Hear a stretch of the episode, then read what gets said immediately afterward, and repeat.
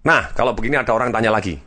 Pak, kalau begitu, apakah kalau saya tidak punya pengalaman, saya tidak boleh buka usaha sama sekali? Kalau tidak punya kerjasama? Eh, saya bilang, boleh. Selama kita manage risikonya. Risiko adalah, apa itu? Apa bedanya risiko dengan berisiko? Risiko, kalau kita kepingin sukses di dalam bisnis, kita harus mengelola risiko. Dan kita harus tahu apa itu bedanya risiko dengan berisiko. Risiko adalah akibat. Bisa positif, bisa negatif. Resikonya Anda olahraga, terus kemudian makan dijaga, ya ada positifnya, ada negatifnya gitu ya. Misalnya positif, Anda jadi lebih sehat. Negatifnya, mungkin Anda jadi lebih capek, silakan begitu ya. Atau capek nikmat juga boleh, itu jadi positif. Tapi ada risiko, itu ada akibat positif, ada negatif. Tapi pada umumnya, orang menganggap risiko adalah akibat yang negatif. Nah, risiko itu ada dua macam. Satu besarnya efeknya, satu besarnya kemungkinan terjadinya. Contohnya, misalnya para pendengar saat ini, entah Anda duduk di mana pun, misalnya Anda punya sebelahan kanan dan kiri. Besar efeknya, contohnya, yang negatif, bisa tidak Anda kejatuhan pesawat di atas Anda? Buer, entah Anda di dalam gedung, di dalam mobil, atau kejatuhan pesawat. Mungkin? Mungkin, tapi besar kemungkinan terjadinya kecil. Tapi efeknya luar biasa. Nah sekarang, apa yang efeknya kecil, tapi kemungkinan terjadinya besar? Pengen tahu? Mohon maaf, sebelah Anda jangan tersinggung. Yaitu apa? Kemungkinan besar sebelah Anda saat ini sudah kentut. Ini merugikan Anda nih, efek negatif nih. Atau terpaksa mencium bau kentut tetangga Anda gitu ya. Atau mungkin tetangga Anda mencium bau kentut Anda. Nah, ternyata ketika Begini, itu kemungkinan terjadinya besar, tapi efeknya kecil, no problem. Nah kalau kita mempertimbangkan risiko, kita mempertimbangkan ini. Kemungkinan besarnya terjadinya besar atau kecil, efeknya besar atau kecil. Kemudian kalau sesuatu hal bisnis itu ada risiko, risiko ada dua macam lagi selain risiko terjadi besar kecilnya tadi, yaitu risiko yang melekat di bisnis dan risiko yang melekat di manusianya. Ketika kita mempertimbangkan satu peluang bisnis, rata-rata manusia miss karena dia melihat risiko bisnisnya doang tanpa melihat risiko dari dirinya dia sendiri dalam ikut bisnis ini. Maksudnya apa? Maksudnya ketika ada penawaran bisnis, wah ini untungnya banyak sekali, aman, dijamin oleh notaris. Notaris ngomong bahwa dia menjamin dengan hartanya dia pribadi segala macam ini pasti akan memberikan keuntungan minimal sekian. Kelihatannya bagus sekali. Nah karena dia merasa bagus sekali dan kemungkinan jeleknya kecil terjadinya, kemungkinan untungnya besar dan kemungkinan terjadinya besar untung gitu ya. Saya ulangi kalau terlalu cepat. Dia merasa bahwa ada peluang bisnis yang luar biasa, yaitu kemungkinan untungnya besar dan kemungkinan terjadi untung tadi besar Sedangkan kemungkinan rugi kecil dan kemungkinan terjadi rugi yang sudah kecil ini, kemungkinan terjadinya juga kecil. Ya saya masuk, masuk begitu besarnya. Dia tidak mempertimbangkan risiko yang dia bisa terima atau tidak. Akibatnya apa terjadi? Sangat optimis, padahal di dunia ini tidak ada yang pasti. Yang pasti hanya cuma satu, yaitu pasti suatu hari manusia akan mati, itu pasti gitu ya.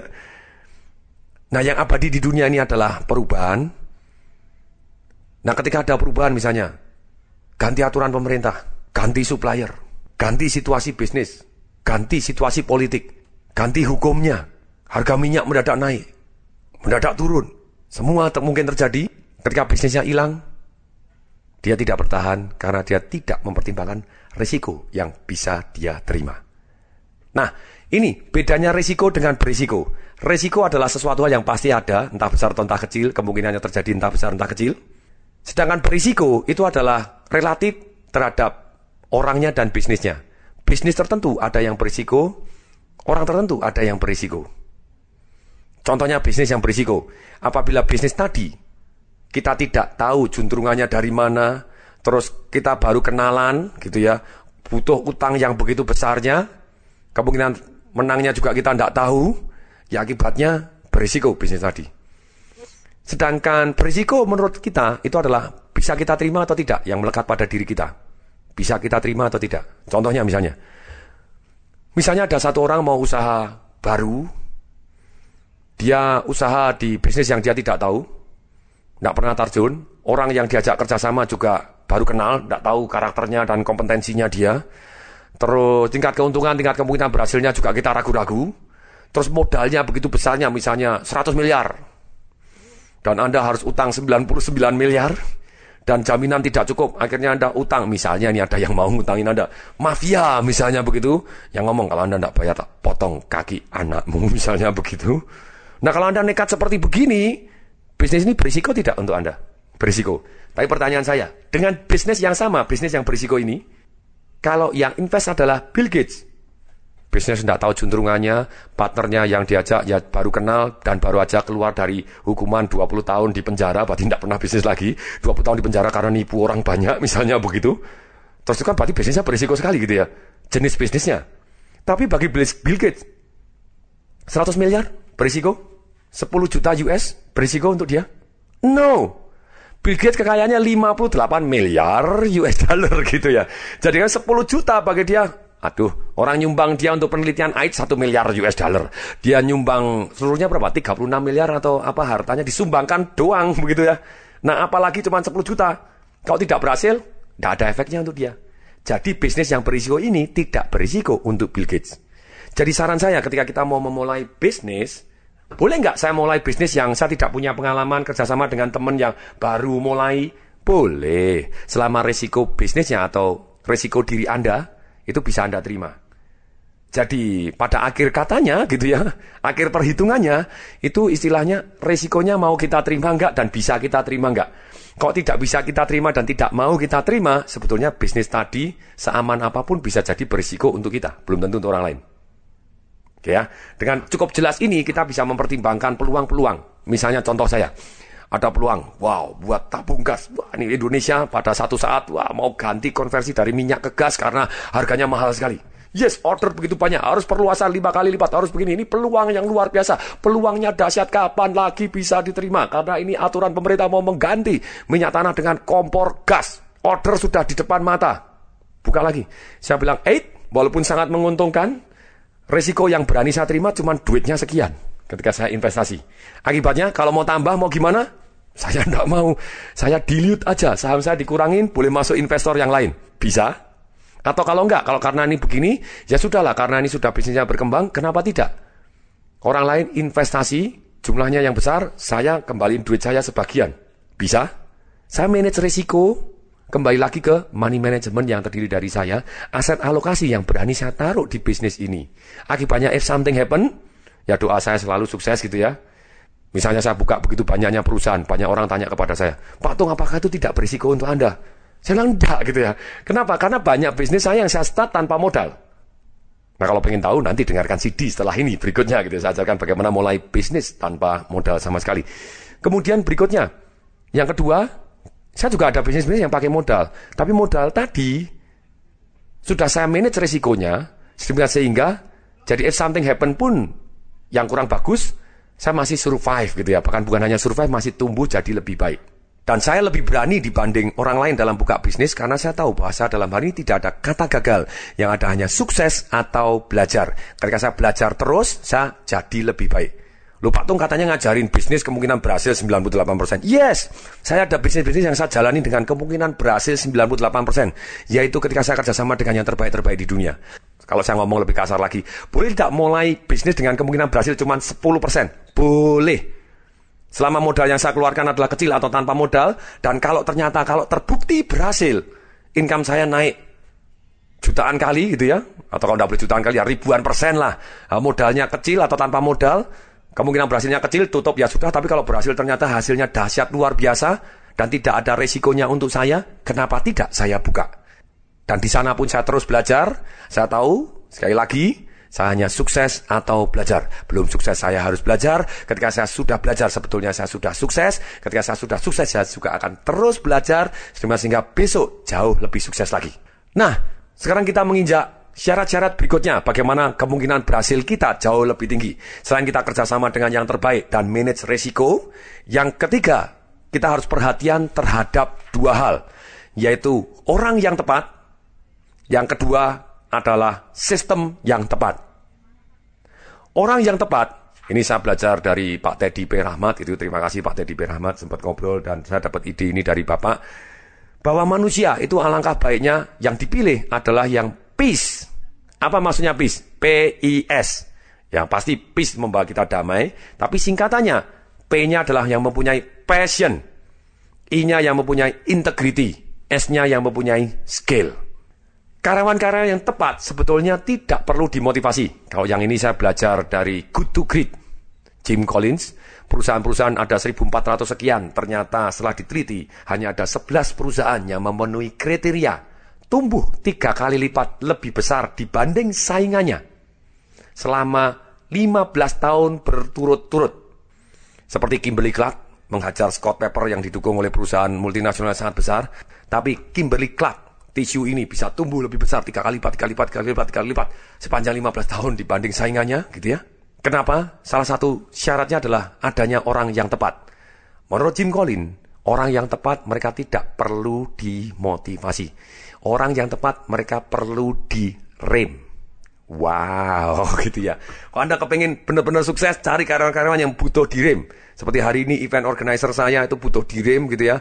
Seringkali saya telepon jam 8 malam, ayo pulang, ayo pulang. Karena mereka pulangnya jam 3, jam 4 pagi seperti orang gila, jadi saya butuh ngerem. Ini yang menarik. Orang yang ceritanya tepat, karyawan tepat, itu sebetulnya dibina bukan untuk membuat dari yang jelek menjadi baik. Tapi kita hanya pilih yang baik, yang mempunyai passion, mempunyai integritas, mempunyai skill untuk menjadi dahsyat. Sekali lagi, bukan dari jelek jadi baik, tapi cari yang baik jadikan dahsyat. Atau yang dahsyat jadi super duper mbahnya dahsyat. Nah, caranya nyeleksi katanya gitu. Kalau karyawan itu ada caranya. Itu saya memberikan training bagaimana merekrut karyawan yang lebih baik gitu ya. Yang kita temukan yang punya passion, yang punya integritas, yang punya skill. Nah, kalau kita sudah telanjur merekrut karyawan, kita tinggal undang orangnya. Kita minta, oke selama lima tahun ini Anda kerja di tempat saya, apa yang sudah Anda lakukan? Suruh dia cerita. Kemudian setelah itu kita bayangkan. Kalau ini, kalau saya tahu bahwa lima tahun ini dia kerjanya seperti ini, atau dalam tiga tahun ini kerjanya seperti ini, mestinya kalau saat ini adalah saat rekrutmen, saya terima nggak ya?